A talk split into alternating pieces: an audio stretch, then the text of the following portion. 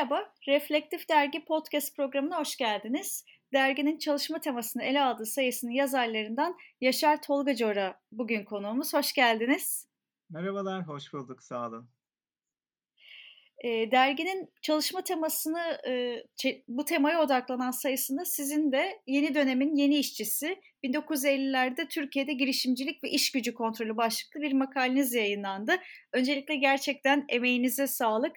E, benim pek bilmediğim bir isim ve beraberinde birçok e, gelişmeyi de öğrendiğim bir makal, makale. E, emeğinize sağlık diyorum öncelikle.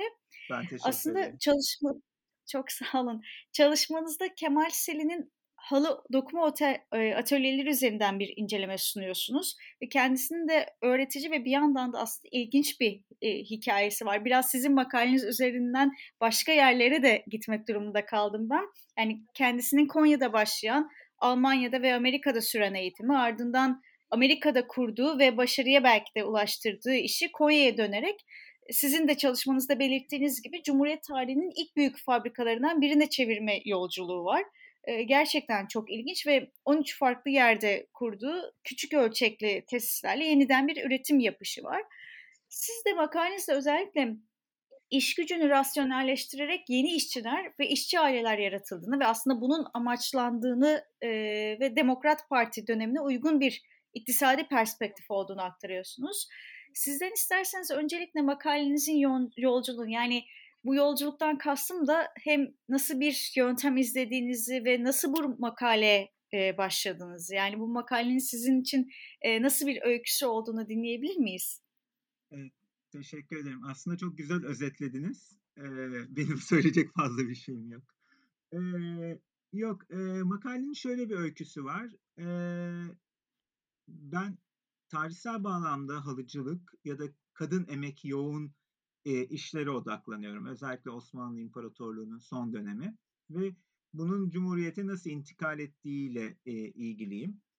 E, tabii benim kendi uzmanlık alanım e, e, Hristiyanlar ve Yahudiler ve onların iş gücündeki e, ağırlıkları ve e, ulus devlet inşa sürecinde yaşanan e, farklı sebeplerden dolayı şiddet ve e, nüfusun homojenleşmesi sürecinde e, bunun aslında Osmanlı İmparatorluğu'nun son dönemindeki çok canlı ve yoğun olan kadın emek sektörlerin Cumhuriyete az intikal ettiğini düşünüyorum. Hani burada tabii ki yeni bir şeyden e, demiyorum. E, var olan bir bilgi bu tabii ki bildiğimiz gibi ama bunun anlamı ne olabilir? Biraz buna kafa yoruyorum. E, ve bunun alanlardan biri de en önemlilerinden biri aslında Osmanlı İmparatorluğu'nun son dönemindeki halıcılık sektörü. Halıcılık sektörünün Cumhuriyete nasıl aktarıldığı e, bu tabii sektörlerden biri kadın emek, e, kadın emek yoğun sektörlerden biri olarak. E, nasıl aktarıldı? Ben çok önemli bir soru olarak görüyorum. Çünkü burada e, ciddi bir e, know-how yani nasıl yapılacağının ka, e, bilgisine sahip olan insanların kaybı, e, tüccarların kaybı, e, ticaret ağlarının kaybı var. E, Kemal Seli'ye nasıl geldiğim ise e, şu şekilde e, sadece halıcılık üzerinden değil aynı zamanda yaptığım çalışmalarda bir yandan da iş adamlarının nasıl düşündüğü, e, ticaret ağlarını nasıl kurduğu, yani e, bu kadın emek yoğun sektörlerin sadece emek tarafından değil aynı zamanda girişimci tarafından da nasıl organize edildiği ve girişimcilerle e, e, emekçiler arasındaki ilişki. Burada tabii dediğim gibi ben e, etnik taraftan baktığım için önceki çalışmalarımda veya şu anki hali hazırdaki çalışmalarımda orada başka bir hikaye çıkıyor. Bir hani cemaatlerin kendi içindeki e, ilişkileri ortaya çıkıyor. Aslında e, benzer bir şeyin de Kemal Seli'de de olduğunu görüyoruz. E, burada da tabii ki daha küçük e, artık homojenleşmiş bir Müslüman topluluk içerisindeki girişimciyle onun Müslüman e, çalışanlar arasındaki bir ilişki var. Tabii ki bunun farklı bağlamları var. Demokrat Parti bağlamı, e, Cumhuriyet'in tek parti döneminin getirdiği bazı ideolojik e, şeylerin oraya aktarılması vesaire. Bunlar üzerine zaten konuşuyoruz. Ama hikayemin, e, makalenin kendi hikayesi benim perspektifimden ana hatlarıyla bu yönde. Burada tabii e, bir de şunu e, da ekleyebilirim. E, Birçok tarihçi için aslında hatıratlar, benim çalışma alanlarımdan biri diğeri de hatıratlar. e, daha moda bir deyimle ego dokümanlar ama hatırat demeyi tercih ediyorum bu bağlamda. E, bize girişimcilere nasıl düşündüklerine dair tabii söylemedikleri de birçok şey var ya da kısa değindikleri yani birçok boşluklu da olsa e, bize işlerini nasıl kurdukları, işçileriyle nasıl e, bir ilişki kurdukları, nasıl tahayyül ettikleri, amaçları gibi birçok konuda bize fikir veriyorlar. Ve Kemal Selin'in e, Konya gibi halıcılığıyla meşhur e, bir yerde bir e, müteşebbis olarak hayatına başlaması e, benim çok ilgimi çekti bu bağlamda. Yani benim birçok ilgi alanımı birleştiren e, bir konu. E, burada tabii kendisinin eğitimli olması vesaire gibi faktörlerin de hani benim daha da ilgimi çekti, arttırdı. E, bu yüzden e, kendisini bir an evvel aslında çalışmak istedim. E, burada da değinebileceğim başka bir nokta da çok kısa olarak e, mevcut çalışmalar aslında hatıratlar, iş adamlarının hatıratlarından çalışan e, onlara odaklanan çalışmalar var. Mesela e, Ayşe Buran devlet ve iş adamlarında birçok hatırat üzerinden gidildiğini görürüz. Ama orada Kemal Seli gibi orta ölçekli, orta büyük ölçekli e, ler yerine, iş adamları yerine e, yanlış hatırlamıyorsam hiç e, iş kadını yoktu. E, yerine genel olarak şu anda ya da 1970'lerden itibaren kurulan ve e, daha sonra TÜSİAD'a dönecek olan büyük iş adamlarına yönelik bir e, onların hatıratları üzerinden e, bir çalışmaydı. E, ama Anadolu'daki orta ölçekli ve Anadolu'nun hani e, yükünü çeken diyebilirim. E, orta ölçekli müteşebbislere da ya da orta ve büyük ölçekli tabi burada Kemal Selin durumu müteşebbislerin ne yaptıklarına dair de çok da bir fikrimiz yoktu. E, beni bu yüzden farklı şeyler e, çekti. E, diyeyim bitireyim. Siz belki bir şey eklemek istersiniz sormak. Ağzınıza sağlık gerçekten. E, dediğim gibi aslında yani çok samimiyetle söylüyorum beni makaleniz e, çok bilgilendirdi ve bir yandan da aslında bu öykü e, ilginç olduğu için farklı yerlere e, de gitmeye başladım ve işte sizin de zaten bahsettiğiniz gibi aslında bu şey e, çalışma yerinin girişinde Seli Endüstri Müessesesi Türkiye'de iş saatini ve Türk'ün iş gücünü kıymetlendirmeye matuf bir kurumdur yazısı var. Ve belki bu bile e, başlı başına bir konuşulabilecek e, bir konu. Belki hani e, oradan da ba- başlayabiliriz ama yani sizin verdiğiniz bazı bilgiler var. Ben biraz hani Kemal Seli ve hani dediğiniz gibi bu nasıl düşünüldüğü, nasıl bir anlatı var ve e, nasıl bir değişim yaratıldığı üzerine anlamaya çalışırken sizin verdiğiniz bilgiler e, da var. Belki onlardan da bahsedebiliriz. Hani e, bir, gerçekten hani önemli sayıda bir e, çalışan var farklı ödeme yöntemlerini e, kullanıyor Kemal Seli ve bir yandan da aslında nasıl bir başarı süreci elde edildi derken sizin orada anlattığınız gibi makalenizde bu 1950'li yıllarda kamu bankalarından elde edilen kredilerle veya işte siz yine belirtiyorsunuz Karadeniz gibi bölgelerdeki yatırımların e, hükümet tarafından desteklenmesiyle başarılı olan bir süreçten bahsediyorsunuz ve işte burada hani paternalist ilişkiler kurarak işçilerin zihniyeti üzerinden bir dönüşüm tasarlandığından bahsediyorsunuz. Bir yandan da belki bilmiyorum deyim, e, değinir miyiz hani sizin tartışmanız çevresinde ama e, işçilerin yani işçilere yöneltilen motivasyon ve gündelik deneyimlere dair soru ve cevapları da paylaşıyorsunuz çalışmanızda mesela oranın ne demek olduğuna dair bazı sorularınız var. Belki bu cevaplarla ilgili düşüncelerinizden de başlayabiliriz. Yani sizin çalışmanız aslında benim bahsedeceğim bu kısa alt sorularla çok ilişkili. Ben sadece hani böyle bir e, bunu da konuşalım diye söylüyorum. Zaten hepsi sizin çalışmanızda var. Yani isterseniz Kemal Selin'in bu süreçteki e, amaçlarını hani sizin bahsettiğiniz gibi nasıl farklı e, yöntemleri olduğunu, sizin neden aslında demokratik Demokrat Parti dönemiyle ilişkili bulduğunuzu ve siz de dediniz zaten kadın e, emek olarak bahsettiniz. Ben Emine Hanım e, kısmında özellikle e, durmuştum e, okurken makaleyi. Belki Emine Hanım gibi kadınların Selin'in çalışma alanlarında güçlendirilmesini biraz sizin tartışmanız çerçevesinde belki sizi dinleyebiliriz. Evet, evet, yani, aslında, eee, dürüst olmak gerekirse biraz dağınık, eee, belki de makalem şundan dolayı. Eee, birçok şey, iii, yöne gidebilecek bir çalışma. Hı bunların hepsini hakkıyla yapıp yapmadığım, eee, tabii ki başka bir soru.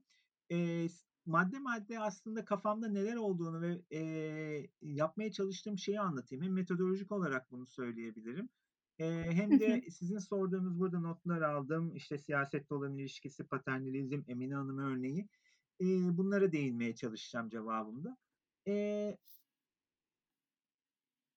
Neden farklı, yani, yapmaya metodu yapmaya çalıştığım şey şuydu. Bir önceki sorunuza olan cevabında verdiğim, sizin de değindiğiniz girişimci nasıl düşünür? Şimdi girişimci nasıl düşünür ve işçilerle, iş gücüyle olan ilişkisi arasındaki ilişki nedir? Bunu cevaplayabilmek için, eee, farklı bağlam bir teyze olarak, eee, bir halı fabrikası ve Konya'daki bir girişimciyi aldım. Yani metodolojimi bunun etrafında kurdum ve bir fabrika üzerinden bunları anlayabilir miyiz? di sorduğum soru ve fabrikanın içindeki ilişkiler, girişimcilerle işçiler arasındaki ilişkiler. Ama bunu tek bir, eee, bağlamından, tarihsel bağlamından ve buradaki tabii ki sosyal, kültürel ve siyasi bağlamından kopuk bir şekilde, ele almak mümkün değildi. Bu yüzden biraz, eee, dallanıp budaklandı ve farklı konulara da, değinmek zorunda kaldım. Girişimcilik dediğimizde tabii ki siyasetle olan ilişkisine, dönemin siyasetiyle olan ilişkisine değinmeden, bunu gerçekleştiremezdim. Ve burada da aslında biraz da bizi şeye götürüyor. Hani siyasetin ne kadar, işte shop floor dediğimiz fa eee, fabrikanın içindeki ilişkilerle makro siyasetin, büyük kredilerin aslında birbirleriyle nasıl ilişkili de olabileceğine dair bir, eee, bağ kurmaya çalıştım. Nedir bu bağ? Eee, siyasetle olan ilişkisini söyledim. Siyasetle olan ilişkisi Kemal Selin'in, eee, çalışmaları, eee, yani, eee, eee, müteşebbisiyeti, teşebbüsleri e, siyasetle yakın bir ilişki kurmasaydı başarılı olamayabilirdi. Olmazdı demiyorum. Çünkü muhtemelen başka bir e, iktidar olsaydı yani 1950'lerden bahsediyoruz. Demokrat Parti değil de e, CHP iktidarı olsaydı e, onlarla da iyi ilişki kurardı. Çünkü iktidarların 1950'lerde özellikle 2. Dünya Savaşı'ndan sonra e, girişimciliğe ve e, özel sektör üzerinden gelişime e, bir vurgu yaptıklarını görüyoruz. Yani kalkınmacı politikaların e, dile getirildiği bir dönem. Biz bunu tabii ki Demokrat Parti üzerinden biliyoruz çünkü onlar iktidarda. Ama o dönemin ruhunda yani daha global bir perspektiften baktığımızda bütün e, ülkelerde özellikle Batı bloğunun çeperinde olan Türkiye gibi bir ülkede bu var.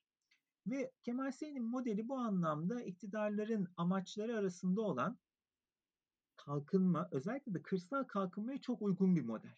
Yani orada iyi bir e, uygunluk var. İki tarafın aslında amaçları arasında bir uygunluk var. Ve tabii burada başka bir nokta da e, burada tabii ki makro düzeyden ve iş imkanı yaratma üzerinden bahsediyorum. Başka bir noktada e, şu kamu kaynaklarının kullanılması tabii ki kamu kaynaklarının burada da bankaların verdiği krediler, bankaların verdiği krediler, olanaklı krediler bunu makalede de bahsediyorum. Özellikle Ziraat Bankası'ndan alıyorlardı. Olmasaydı e, bu olmazdı. E, burada ise daha net bir şekilde bunu söyleyebilirim. E, burada da tabii ki aslında yine de siyasetin gerek ekonomiye nasıl yön verdiğini, gerekse bir müteşebbisin faaliyetlerinin siyasetin amaçlarıyla nasıl uyuştuğunu görüyoruz. Burada da kırsalda iş imkanı yaratılmasını devlet kendi eliyle destekliyor uygun şartlarda kredi vererek. E, bu işin e, bir boyutu ve ikinci boyutu da siyasetle nasıl ilişki içinde olduğu bence çok da e, anlatma kapasitesi yüksek bir e, vaka. E, açıklama kapasitesi pardon. E, Karadeniz'de hemen seçimlerden önce yanlış hatırlamıyorsam 57 seçimleri olmalı destek alıyor iş imkanı yaratması için. Siyasi ve maddi destek alıyor Demokrat Parti. Yani bu durumda aslında ideolojik olarak bir uygunluk yani Kemal Seyit'in kafasındaki Türkiye ile Demokrat Parti yöneticilerinin kafasındaki Türkiye birebir uygun muydu bilmiyorum. Ama iş ya da kesin bir şey söyleyemem ama işe geldiğinde ikisinin de ortak çıkarları oldu ve bu çıkarlar tarafın etrafında uzlaştıklarını söyleyebilirim. Bu işin makroekonomik e, boyutuydu. Şimdi kültürel bakımdan peki Kemal Seydi'nin girişimciliğiyle e, Demokrat Parti'nin kafasındaki Türkiye ve Türk halkı arasında nasıl bir ilişki vardı? Burada ben şunu e, gözlemlediğimi söyleyebilirim.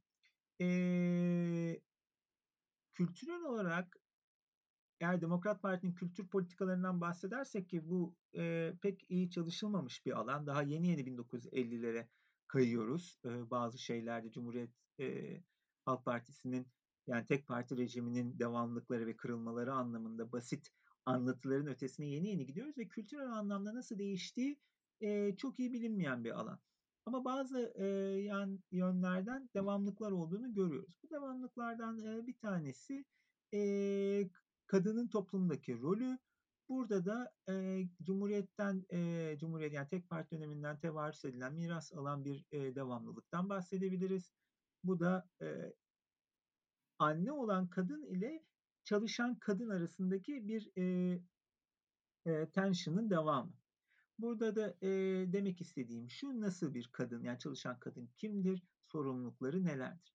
Kemal Sevin'in çok yakından işçilerini takip ederek onlar arasında bir yakın ilişki kurarak tırnak içinde kullanıyorum onların namuslarını koruyarak burada birkaç örnek veriyorum işte e, fabrika işçilerini takip eden insanları dövdürtmesi gibi yahut bir servis aracı bularak onların toplumla karışmaması, fabrikadan ayrıldıktan sonra evlerine giderken e, sözlü bir tacize uğramamaları gibi şeylere dikkat ederek e, burada bir e, farklı bu kadar yakından takip ederek bir paternist ilişki kuruyor. Bu aslında şeyi gösteriyor. Yani kendisini aldığı eğitim ne kadar rasyonelleştirmeye yönelik iş gücünü, iş saatini fabrikanın girişindeki e, ifadede olduğu gibi bunu rasyonelleştirme çabası olsa da bir yandan da iş gücü, elindeki iş gücü üzerinden de e, toplumun kültürel kodlarıyla da uygun bir devamlılığı var. Yani e, aslında orada bir e, negotiation sürecinden e, karşılıklı olarak iki tarafında e, bazı tavizler vererek birbirini dönüştürmesinden bahsedebiliriz. E, belki de Kemal Seyit'in zaten en başarılı olma, yani başarılı olmasının en önde gelen sebeplerinden bir tanesi e, bunu iyi yapabilmesi. Kendisi yerel eşraftan önemli bir aileden geliyor. Muhtemelen benim çok değinmediğim e, iyi bir sosyal kapitali var. Yani insanlar güvenerek gidebiliyorlar. Farklı yerlerde bahsettim. E, atölyelerini açtığı yerlerdeki din adamlarıyla ilişkisi iyi. E, ve e, bu anlamda e, toplumu aslında çok da tırnak içinde kültürel kodlarını dönüştürmeden iş gücüne katma çabası olarak görüyoruz. Ve burada da işte Demokrat Parti'nin e, eğer siyasetinden belli bir kültür ve aile siyasetinden bahsedebilirsek bu noktada bence uyuşuyor. E, çünkü e, gene milli ve dini ya da e, değerlere çok dönüştürmeden ama iş gücüne katarak ve bu sayede refahı arttırarak yani amacı olarak bunu bahsediyorum. Yapıp yapamadığı ya da bunu doğru bulup bulmadığından farklı olarak ama böyle bir amacı var ve bu iki amacın yani dönemin siyasi elitin tahayyülündeki kırsaldaki aile ilişkileri ve iş gücüyle Kemal Seyit'in projesinin birbiriyle uyuştuğunu görüyoruz. Ee, bir de Emine Hanım'dan bahsetmiştiniz. Emine Hanım'ın bir fotoğrafı var. E, dergiyi, e, makaleyi görenler, e, okuyanlar e, ya da hızlıca karıştıranlar göreceklerdir. E işte son derece geleneksel kıyafetleri, köylü kıyafet olarak adlandırdığımız kıyafetlere sahip e, giyen bir kadın ve atölyenin müdiresi. Yeni bir yere atölye açılacağı zaman e, otobüse topluyor kadınları, gidiyor orada yeni atölye açıyor ve fabrikanın Kemal Seli'den ve ikinci direktöründen sonra en yetkili insanı bütün bu e, e, teşebbüsün ki en kuvvetli olduğu dönemde 4500 işçiye varıyor. Yani bütün işlerin aslında bir ustabaşısı. Bu da şu açıdan önemli. Ee, bir aslında kırsalda yaşayan bir kadının e, bu iş aracılığıyla ne kadar kuvvetlenebileceğini de görüyoruz. Ve bunun ben bir tezat olmadığını aslında dönemin sosyolojik dönüşümüne, daha doğrusu bu, bu tür bir teşebbüsün yarattığı alanda yaşanabilecek olan bir sosyolojik teşebbüs olduğunu, e, sosyolojik dönüşüm olduğunu ve bu teşebbüsün de doğal bir sonucu olduğunu düşünüyorum. E, benzer çalışmalar gerçekleşseydi Kemal Seli gibi çalışmalarda e, teşebbüsler olsaydı bu çok daha yaygınlaşabilirdi ve belki de Demokrat Parti'nin kafasındaki kırsal kalkınma ve aynı zamanda e, kendi e, idealleri olan işte milli değerlere ve dini değerlere sahip olan halkın e, da bunun bir parçası olarak gerçekleşmesi ne yaklaşılabilirdi. Kemal Seli ise burada daha çok bir e, tek bir örnek ya da birkaç örnekten biri olarak kalmış gibi gözüküyor. Bilmiyorum sorunuza cevap verebildim mi? Biraz uzun oldu ama. De, e, gayet bilgilendirici ve kapsamlı bir şekilde çok sağ olun. Bir yerde de siz aslında e, Kemal Seli'nin iktidarların amaçları arasında bir e, model oluşturduğundan bahsettiniz. Buradan belki bugüne dair e, gerçekliği konuşabiliriz. Yani o yine iktidar e, çerçevesinde. Çünkü bugünün emek ve sermaye e, gerçekliğine baktığımızda 20 yıllık bir e, iktidarda nasıl bir e, çalışan sınıfı inşa edilmeye, edilmeye çalışıldığını düşünüyorsunuz? Yani ya da böyle bir şeyin varlığından e, bahsedebilir miyiz? Belki hani sizin bunu çok karşılaştırmalı mı düşünmek gerekir bilemiyorum ama hani bugüne dair nasıl söylersiniz? Çünkü baskılanan ya da belki e, yok olma noktasına getirilen sendikal hareket bir yanda 2022 başına itibaren e, hepimizin aslında bir şekilde tanık olduğu süreçte kuryelerden madencilere hakları için direnmeye başlayan kimi sonuç olan hareketler öte yanda var. Belki bu süreç içerisinde nasıl bir e, çalışan sınıfı inşası e, veya dönüşümü var e, onu da sizden dinleyebiliriz. Ee, yani ben tartışayım e, 2022 yani 2020 ya da AK Parti'nin 2010 sonrası de, e, dönüşümünü hani e, ne ise daha çok vatandaş olarak takip edebiliyorum diyeyim. Ve tabii ki e, aslında bir bakımdan da 1930'larla, 40'larla, 50'lerle de tabii e, mesleki deformasyon icabı karşılaştırıyorum daha iyi bildiğim dönemlerle. E, kısıtlı bilgim e, çerçevesinde de olsa. Nasıl bir e, iş gücü inşa ediliyor ya da e, sorunuza cevabım aslında gerçekten bir iş gücü inşa edilmeye çalışılıyor mu diye e, düşünüyorum. Çünkü burada e, çok önemli sermayenin dönüşümü ve iş gücü şekil, çalışma şekillerinin e, farklılaşması çok önemli. Yani burada e, belki o dönemde karşılaştırılamayacak olan öne, e, bir fark e, biz hala 1950'lerde en azından benim bu çalışmamda fabrikalardan bahsediyoruz. E, atölyelerden bahsediyoruz. işçileşmesinden bahsediyoruz kırsal. Yani hala aslında modernitenin e, ve kalkınmacılığın kafasındaki sorunlar bunlar.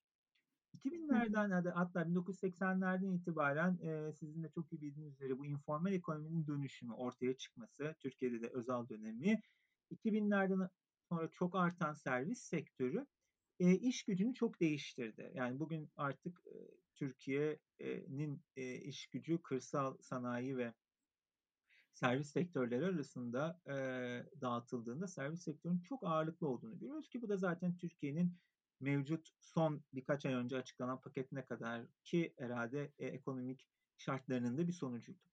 E, ve beklenen ve istenen de bir sonucuydu. Şimdi burada söyleme, e, e, gelmeye çalıştığım nokta şu.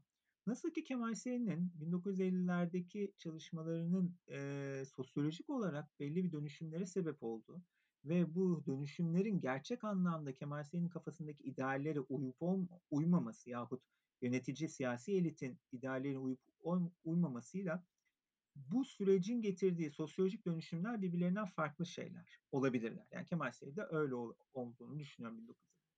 Keza bu dönemde de benzer bir şey olduğunu düşünüyorum. Ee, buradan da kastım şu, özellikle informal ekonomi ve taşeron işçiler üzerinden yürüyen ve bu yüzden de sendikal hakları ve örgütlenmeleri çok kısıtlanmış olan e, işçi hareketleri varken bir yandan da özellikle servis sektörünün gelişmesinden dolayı çok da genişleyen bir e, kadın emek sektörü var. Yani kadın emekçiler. Gerek informal ekonomi içinde gerek de servis ekonomisinin için. Ve bu 2000'lerin sonrasındaki ekonominin genişlemesiyle de ve sermayenin dönüşümüyle de ilişkili olarak bu sektörün içine kimlerin dahil olduğu bence çok önemli bir soru. Yani kim servis sektörü? Kırsaldan gelenler, işte toplumun o bugüne kadar ya da o dönem o döneme kadar e, toplumun çeperinde bulunan, büyük kentlerin çeperinde bulunan, özellikle 90'lardaki göçleri düşünürsek, e, toplumun çeperinde bulunan e, gerek Kürt gerekse muhafazakar kesimlerin artan bir şekilde servis sektörünün parçası olduğunu düşünüyorum.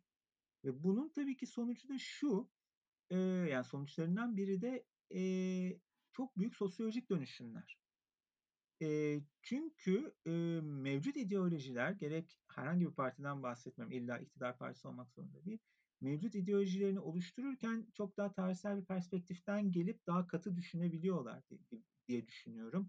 Ve Türkiye'nin mevcut sosyolojik şartlarında bu idealler ne olabilir bu idealler? İşte tırnak içinde kullandığım modern Türk kadını, muhafazakar Türk kadını e, vesaire gibi kafalarındaki idealler ile e, mevcut çalışma şartlarının getirdiği sosyolojik dönüşümlerin sonucu olarak insanların hayat pratiklerinden dolayı ortaya çıkan e, şartlar birbirleriyle ve insanlar birbirleriyle uyuşmayabiliyorlar. Bu durumda e, AK Parti iktidarının oluşturmaya çalıştığı insan iş gücü buna ne diyebiliriz? Mesela daha uyumlu olabilir, daha muhafazakar olabilir. Belki hani din üzerinden bir otorite kurulması gibi şeylerden bahsedebiliriz. Ama bu ideallerin ve kullanılan diskurların gerçek anlamda yüzde yüz pratiğe dökülmüş müdür?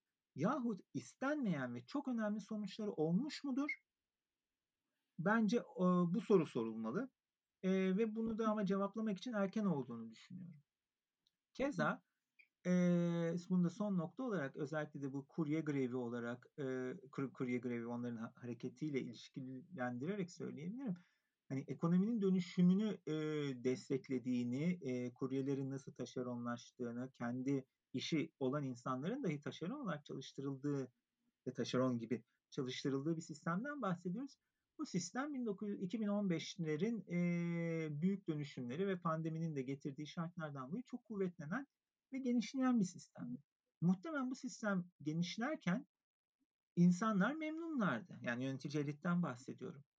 Çünkü çok kuvvetli olmayan ama servis sektörü yani ideallerindeki ekonomik modeldeki e, genişlemesini ümit ettikleri servis sektörü ve dolayısıyla tüketimi ne hizmet eden bir sektörün genişlemesinden eminim birçok e, hem gerek kapital sahibi ve gerek siyasal e, elit bundan çok memnundu. Ama bunun bu raddeye geleceğinden ve böyle bir işçi yani çalışan hareketine dönüş o dönüşeceğinden ve böyle potansiyeli olduğundan ne kadar haberdarlardı ya da bunu ne kadar tahayyül etmişlerdi bilmiyorum. E, demeye çalıştığımda tam olarak da bu orada insanların e, çalışma şartlarının dönüşümünün bu insanların aldıkları siyasi kararlara ve dolayısıyla da onların kültürel, sosyal ve kültürel olarak dönüşümlerini ne kadar takip edebiliyorlardı? Bence edemiyorlar ve e, toplumdaki büyük çatışmalar ve özellikle işçi hareketi üzerinden yahut emek hareketi üzerinden çalışanlar üzerinden olan büyük çatışmaların e, ben bu iki uyumsuzluk yani ideal ile gerçekten var olan ve sosyolojik ve ekonomik şartların getirdiği dönüşümler arasında bir uçurumun giderek artacağını düşünüyorum. Özellikle de mevcut e, ekonomik şartlar içerisinde. Sevgili hocam, keyifli ve bilgilendirici sohbetiniz için çok teşekkür ederiz. Ben teşekkür ederim. Biraz uzun oldu galiba. Umarım izleyiciler sıkılır, dinleyiciler sıkılmazlar. Bence çok güzel ve keyifli oldu gerçekten. Hem okuyan hem de dinleyen bir kişi olarak söylüyorum bunu. Reflektif Dergi'nin bu programını şimdilik sona erdiriyoruz. Makalelere ulaşmak isteyenlere erişimin web sitesinde açık olduğunu da hatırlatmak isterim. Herkese iyi günler dileriz. Sağ olun.